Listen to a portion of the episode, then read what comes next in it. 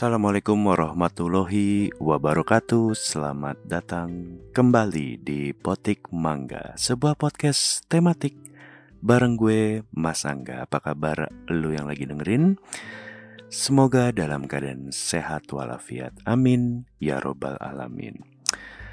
Um, Para pemetik mangga sekalian Gua rasa memang um, Kita ini tinggal tunggu waktu Sampai akhirnya kita semua ini naik kendaraan listrik atau electric vehicle, baik kendaraan umum atau mungkin kendaraan pribadi. Jadi, kalau buat um, pengguna kendaraan roda dua atau motor, gua rasa beralih ke motor listrik kayaknya mungkin sotonya gua bukan sebuah hal yang berat dibandingkan dengan kondisi saat ini para pengguna kendaraan roda 4 atau mobil. Karena mungkin um, maksud gua nggak berat beralihnya itu dalam hal harga motor listrik itu kayaknya dibandingkan dengan motor yang bensin mungkin harganya nggak terlalu signifikan perbedaannya gitu bahkan mungkin harganya mirip-mirip karena Ya, gue kan memang bukan pengendara motor ya.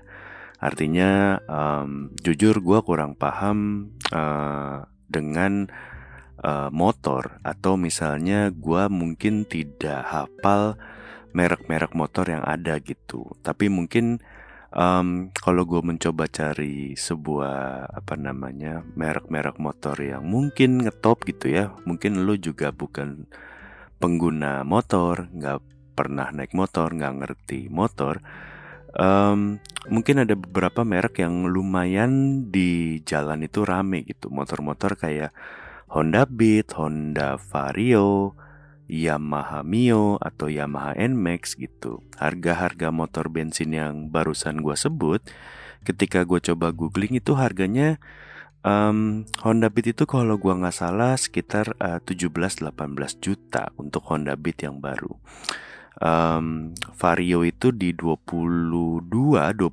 juta angka rata-ratanya. Kemudian yang cukup mahal ternyata itu motor NMAX ternyata. Yamaha NMAX itu ternyata angkanya di 31 sampai 33 jutaan. Ya kalau NMAX mahal sih memang menurut gue sih oke okay ya karena memang mungkin karena bentukannya gede gitu karena gue paling demen kalau ketika gue uh, order Gojek dapatnya driver yang menggunakan motor Nmax gitu karena memang buat gua yang badannya gede naik motor Nmax itu kayaknya berasa puas dan nyaman aja gitu ya.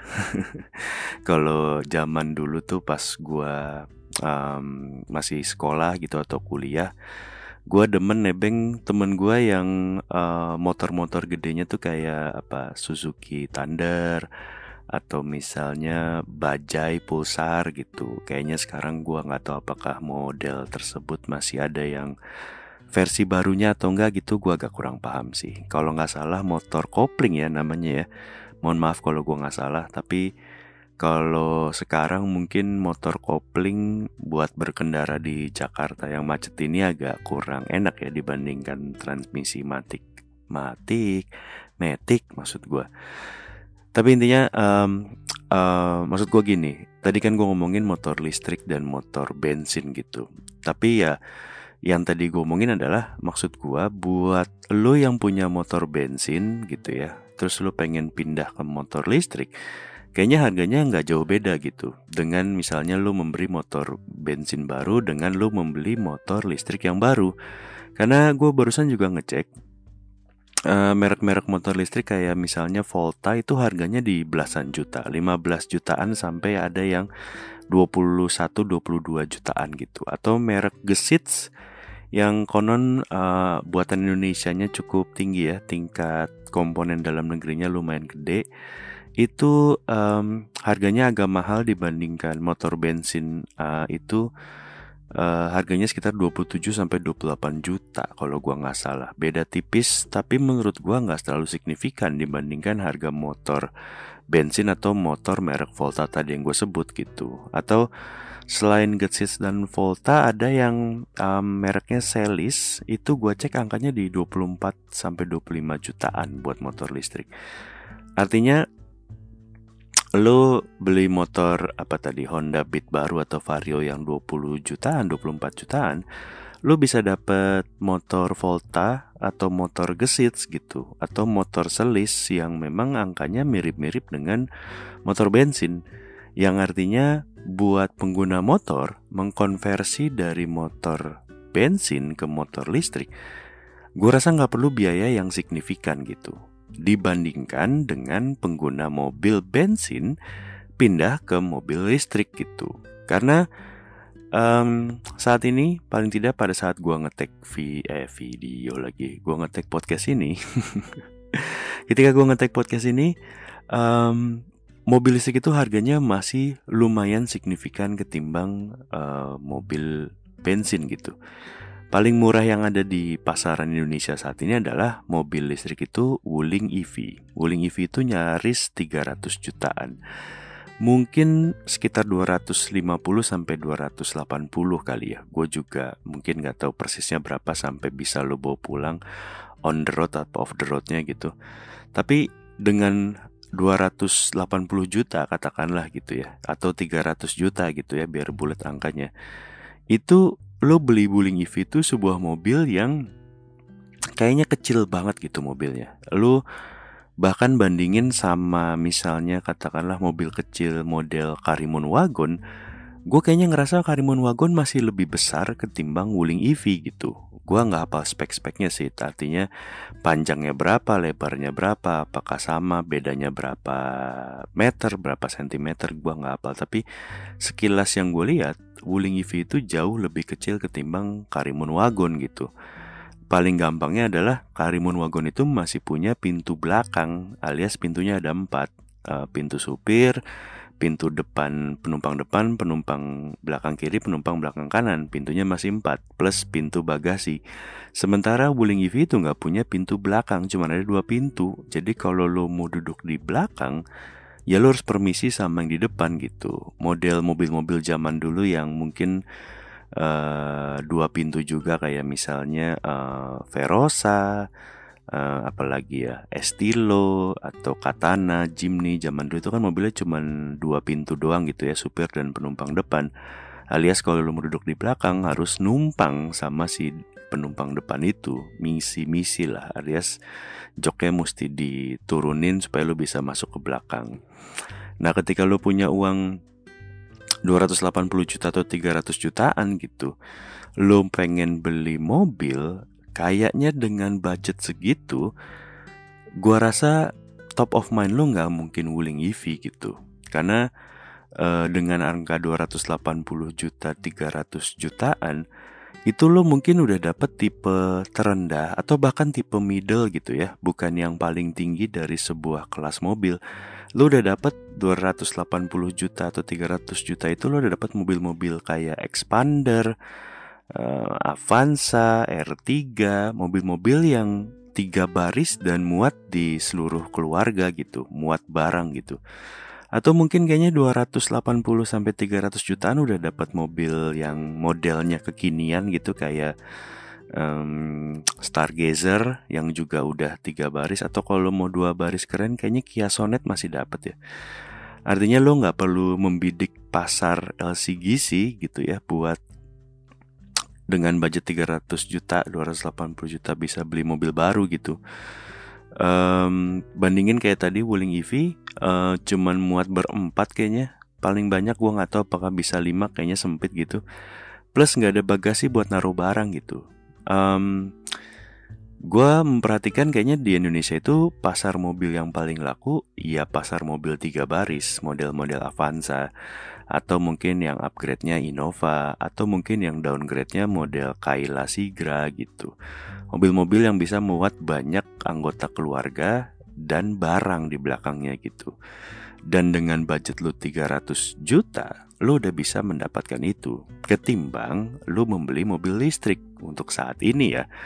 Artinya kalau udah tetap pengen mobil listrik yang gedean, yang bisa muat banyak, ada bagasinya, lu pengen mobil listrik yang gede gitu ya. Pilihan berikutnya setelah Wuling yang ada di Indonesia saat ini itu udah loncat ke uh, mereknya si Hyundai yang Ioniq 5, Ioniq yang lama atau apa dulu ada Kona. Jadi kan pertama dia ngeluarin Kona sama Ioniq, terus yang sekarang itu Hyundai Ioniq 5, Ioniq 5 gitu. Itu harganya udah 700 sampai 800 juta. Maksud gua kalau lu punya duit 800 juta buat beli sebuah mobil 800 juta itu lo tadi dengan budget yang sama udah bisa beli expander atau Avanza bisa sampai 3 biji gitu dengan spek yang terendah mungkin. lo beli 3 biji Avanza atau expander lo pakai satu buat harian gitu ya. Dua biji bisa lo sewain atau lo rentalin, bisa produktif dan bisa ngasilin duit gitu ketimbang lo beli satu mobil Hyundai yang listrik gitu. Karena angkanya itu tadi 800 juta. 800 juta itu lebih mahal dari Fortuner atau Pajero atau mungkin um, 800 juta itu udah bisa dapat mobil kelas Eropa kali ya. Gua nggak tahu sih, tapi intinya uh, jangan ngomongin mobil bekas ya. Kalau mobil bekas jelas lu 800 juta udah bisa dapat 10 10 Kayla Sigra atau 10 Xenia kali ya. Tapi intinya sama-sama mobil baru 800 juta itu kayaknya udah dapat Fortuner baru atau Pajero baru dan masih kembalian gitu. Dengan mobil sekelas Fortuner atau Pajero ya bisa di jalan keren gitu. Artinya mobil listrik kan Mobil listrik itu kayaknya nggak bisa dipakai buat ugal-ugalan di jalan ya, nggak bisa dipakai buat arogan gitu ya, macem oknum-oknum yang arogan di jalan. Tapi kayaknya mobil listrik itu kayaknya nggak cocok lah buat kayak gitu. Artinya balik ke yang tadi gue omongin di awal, bagaimana kita cepat atau lambat akan mengendarai sebuah kendaraan listrik.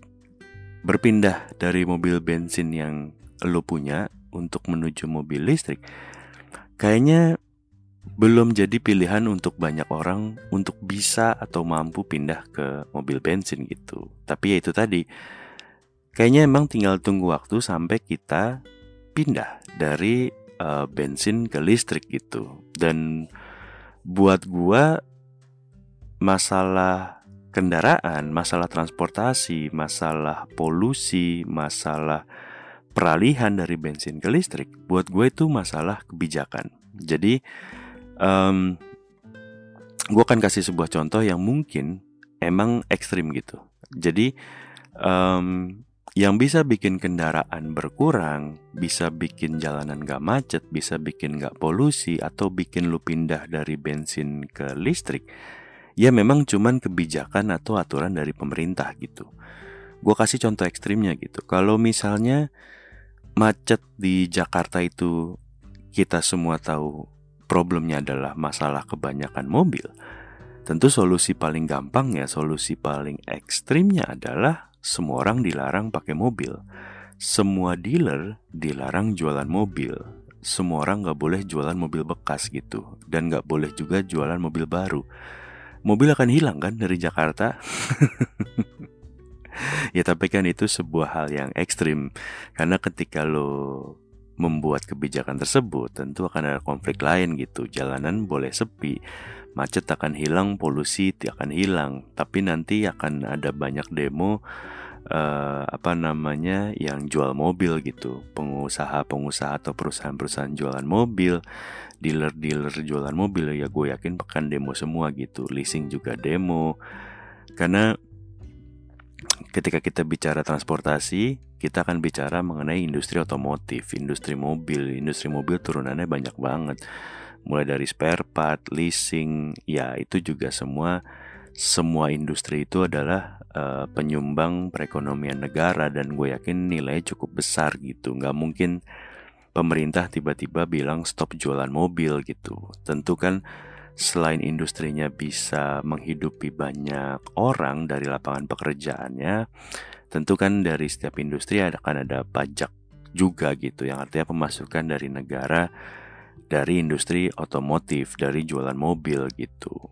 Tapi ya kalau kita ngomongin kebijakan, uh, kebijakan pindah dari mobil bensin ke mobil listrik juga gitu. Artinya kalau tiba-tiba besok pemerintah bilang kita semua nggak boleh pakai mobil bensin dan harus pakai mobil listrik, ya tentu mau nggak mau kan kita semua harus pindah ke mobil listrik ya. Itu masalah aturan dan kebijakan yang harus ditentukan gitu. Tapi tentu nggak akan se ekstrim itu. Pasti bertahap, pasti pelan-pelan. Karena memang um, pertama gue belum yakin seluruh produsen otomotif itu ada kendaraan listrik itu. Walaupun memang ya tadi gue bilang tinggal tunggu waktu yang tepat buat kebijakan semua menggunakan kendaraan listrik kalau memang mau menuju ke sana gitu. Tapi ya itu tadi ada kebijakan dari pemerintah baru saja diumumkan oleh Pak Luhut dan Pak Agus Gumiwang uh, Menteri Perindustrian. Jadi mungkin buat lo yang minat pindah dari kendaraan bensin ke kendaraan listrik itu, pengen beli motor atau mobil listrik, pemerintah itu uh, ngasih subsidi motor listrik sebesar 7 juta rupiah buat lo yang pengen uh, pindah dari mobil eh dari motor bensin ke motor listrik. Tapi memang 7 juta rupiah itu buat lo yang bisa masuk ke kategori penerima subsidi. Di berita kemarin gue baca uh, 6 Maret 2023 kemarin Pak Luhut Pak Menko Marinvest, Pak Agus Menteri Pendistri Perindustrian dan bapak-bapak lainnya itu bikin preskon bikin pengumuman kalau pemerintah resmi akan memberikan subsidi listrik uh, subsidi listrik subsidi untuk pembelian motor dan mobil listrik mulai 20 Maret besok. Jadi total itu konon akan ada 200 kendaraan listrik yang akan disubsidi. Jadi ada 50 ribu unit motor listrik, akan ada 35 ribu unit mobil listrik, sisanya untuk kendaraan umum kayak bis dan lain-lainnya. Jadi akan ada 200 ribu kendaraan listrik yang kita ikutan patungan. kan subsidinya dari pemerintah ya. Pemerintah memberikan subsidi untuk lo yang mau beli motor mobil listrik diberikan subsidi. Pemerintah kan dapat subsidi artinya memberikan eh pemerintah itu kan ngasih subsidi artinya ngasih duit ke perusahaan atau ke orang yang beli mobil atau motor listrik itu. Pemerintah duitnya dari rakyat, dari kita-kita semua yang patungan ikutan beliin motor listrik ke orang-orang itu gitu. Jadi akan ada 50 ribu unit motor listrik yang disubsidi sebesar 7 juta rupiah konon.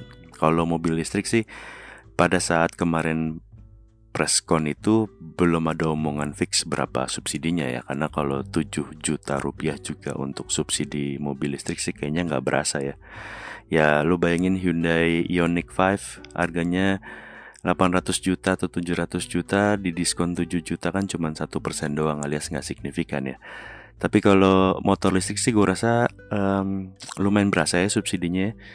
karena dari angka belasan juta dari 15 juta katakanlah tadi gue bacain uh, merek apa tadi yang gue bacain? Merek Volta kalau nggak salah. Itu 15 juta di susi 7 juta ya berasa diskon 50% ya. Atau yang mungkin dari angka 20 jutaan aja sih diskon 7 juta udah kayak diskon 25 sampai 30% lah.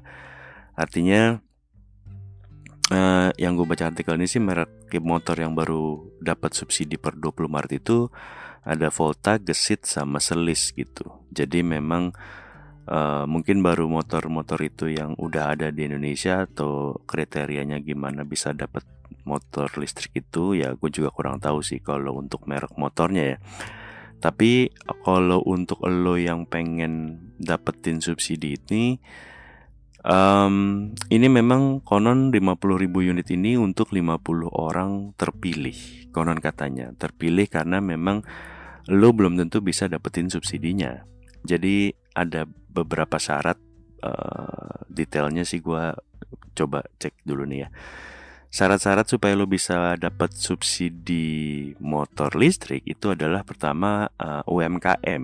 Jadi lo harus menggunakan itu untuk usaha kayaknya. Jadi nggak cuman UMKM biasa, UMKM-nya juga harus penerima kur KUR itu kredit usaha rakyat atau BPUM. BPUM itu bantuan produktif usaha mikro.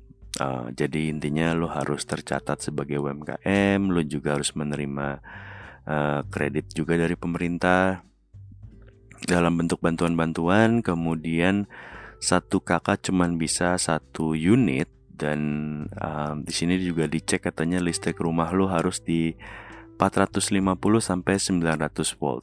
Uh, walaupun gue juga bingung ya kalau rumahnya 450 sampai 900 watt doang listriknya sanggup nggak ya buat ngecas motornya gitu nanti kalau ngecas motor sambil setrika sambil air nyala ngejeglek listriknya turun kan sama aja bohong ya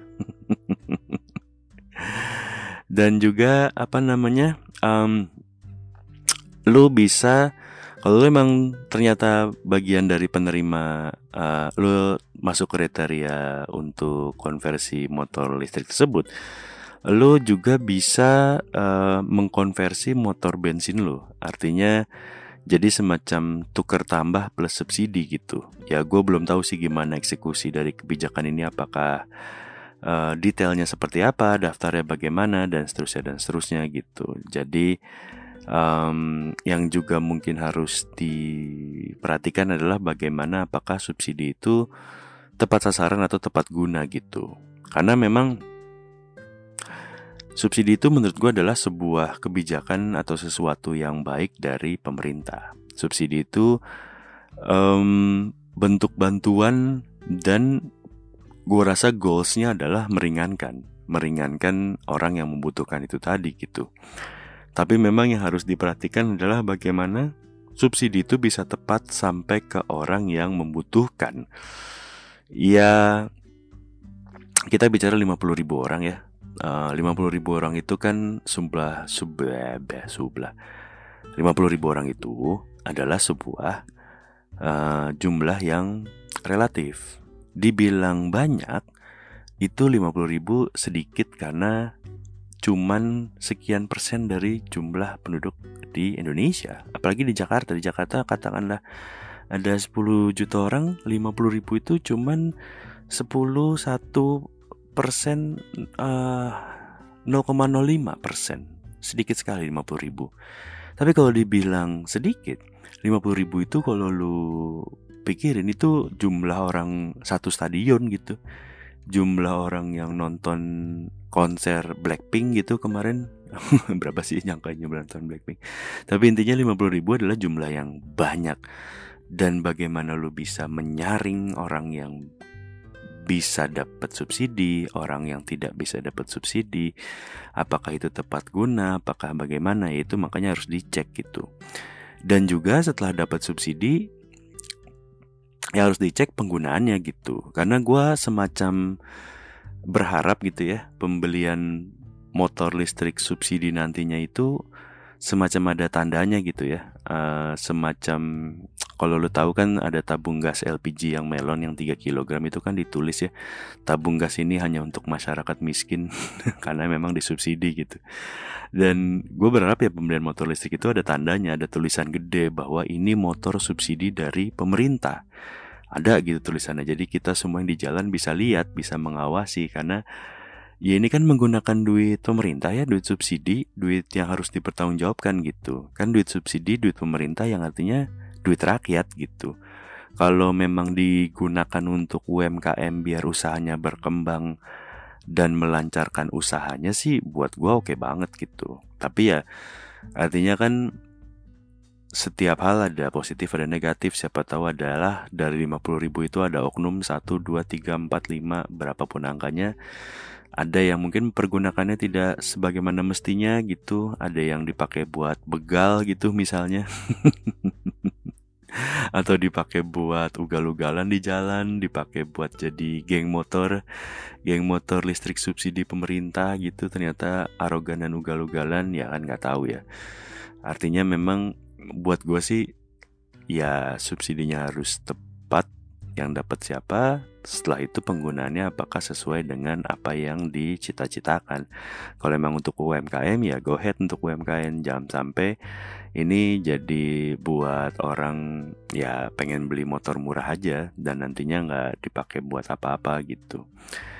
Kalau mobil listrik sih memang belum dapat angka pasti ya gue juga nggak tahu sih karena memang ada omongan bahwa mobil listrik itu di yang Hyundai itu 80 juta subsidinya. Ya, gua nggak tahu sih apakah itu udah ketok palu atau belum gitu ya. Karena um, gue kalau mobil listrik disubsidi sampai 80 juta kayaknya gimana gitu ya. Kenapa kita harus mensubsidi mobil listrik gitu ya? Kalau bis listrik atau misalnya katakanlah truk listrik untuk misalnya uh, angkutan atau misalnya transportasi sih gue kayaknya masih oke okay gitu ya. Tapi kalau 80 juta buat beli Hyundai dan dipakai mobil pribadi, gue kayaknya agak kurang ikhlas ya. Mungkin kayaknya kalau mobil listrik nggak perlu lah ya disubsidi gitu ya. Menurut gue sih ketimbang mensubsidi harganya yang artinya diskon, ini kan subsidi ini gini. Mungkin kalau lo yang agak miss subsidi itu seperti apa? harganya itu nggak berubah. Jadi misalnya katakanlah mobil listrik itu katakanlah harga 100 juta. Katakanlah pemerintah mensubsidi 10 juta. Lu tetap lu bayarnya jadi 90 juta. 10 juta ya dibayarin pemerintah. Jadi yang jualan tetap dapat 100 juta full. Beda yang bayarin doang. Harusnya lu bayar 100 juta full, tapi lu cuma bayar 90, 10-nya dibayarin sama pemerintah. Nah makanya ketika misalnya Hyundai Ioniq 5 disubsidi 80 juta, berarti ada orang yang bayar cuman misalnya 700 atau 600 jutaan sih saya dibayarin pemerintah. Ya dibayarin pemerintah artinya dibayarin sama elu. ya gua nggak tahu lah apakah emang jadi gimana gitu. Harusnya kayaknya buat mobil kalau pribadi gue sih nggak usah gitu. Buat kendaraan umum aja lah macam bis atau mobil angkutan gitu. Tapi kalau memang ternyata jadi ada mobil listrik yang disubsidi oleh pemerintah menurut gue sih harus ada tulisannya gitu ya gede di jalan gitu ya mobil ini disubsidi oleh pemerintah gitu melalui uang rakyat jadi kalau ada yang pakai mobil listrik arogan gitu ya bisa langsung diviralkan gitu sama netizen. Tapi buat gue sih mungkin mobil listrik itu cukup nggak bayar pajak selama berapa lima tahun gitu misalnya atau bisa sampai 10 tahun nggak perlu bayar pajak kendaraan bermotor. Atau mungkin kalau mau subsidinya 50% dari pajak yang seharusnya tapi intinya kalau disubsidi dari harganya dan itu untuk mobil pribadi gue rasa sih kayaknya kurang tepat sasaran gitu. Tapi ya uh, balik ke yang awal gue omongin kayaknya memang masih butuh waktu sampai kita akhirnya uh, memiliki mobil listrik di garasi rumah kita gitu ya mungkin um, butuh waktu berapa? 10 tahun 20 tahun 30 tahun gue nggak tahu. Tapi ya eventually gue rasa kalau memang arahnya ke sana kita semua akan mengendarai atau naik kendaraan listrik gitu. Apa pun bentuknya. Bisa mobil pribadi bisa kendaraan umum gitu. Tapi mungkin lo mikir kalau nanti semua mobil bensin sudah jadi mobil listrik dan kita semua punya mobil listrik ya semua jalanan juga akan macet. Jakarta akan sama aja gitu. Terus lo mikir apa bedanya kalau semua orang udah pakai mobil listrik gitu? Artinya jalanan akan tetap macet bedanya ya macetnya tadinya sama motor dan mobil bensin sekarang macet sama mobil dan motor listrik gitu. Ya karena kalau kita semua udah punya mobil dan motor listrik di masa depan ya mungkin kita semua akan kejebak macet di jalanan ibu kota dalam mobil listrik kita gitu pada saat jam pulang kantor. Karena ya ini bukan mengurangi kendaraan, tapi ini memindahkan dari bensin ke listrik gitu. Macetnya nggak akan terhindarkan. Bedanya macetnya mungkin akan lebih sehat karena nggak ada polusi knalpot asap, eh, nggak uh, ada buangan dari bensin gitu. Jadi memang macetnya bisa bikin langitnya lebih cerah karena nggak ada asap polusi, macetnya lebih sehat tanpa ada asap knalpot Pas lagi macet mungkin di udara akan banyak burung-burung berterbangan berkicau karena nggak ada sesek sama asap knalpot gitu. Ya artinya siapa tahu nanti um, lo mendengarkan episode ini lagi di mobil listrik lo di 10-20 tahun ke depan gitu di tengah kemacetan Sudirman kanan kiri lo udah mobil listrik semua di jam pulang kantor mungkin lo akan berasa bahwa iya juga ya ternyata si Angga bener macetnya damai sekarang jadi macetnya tenang, masih ada burung-burung berkicau, langitnya terang gitu. Ya siapa tahu bedanya di situ. ya semoga um, subsidinya tetap tepat sasaran. Semoga mobil-mobil listrik harganya bisa lebih murah. Siapa tahu suatu hari ada listrik mobil listrik yang murah dan bisa dibeli dan menjangkau semua kalangan masyarakat. Itu aja dari gue. Terima kasih sudah mendengarkan. Assalamualaikum warahmatullahi wabarakatuh.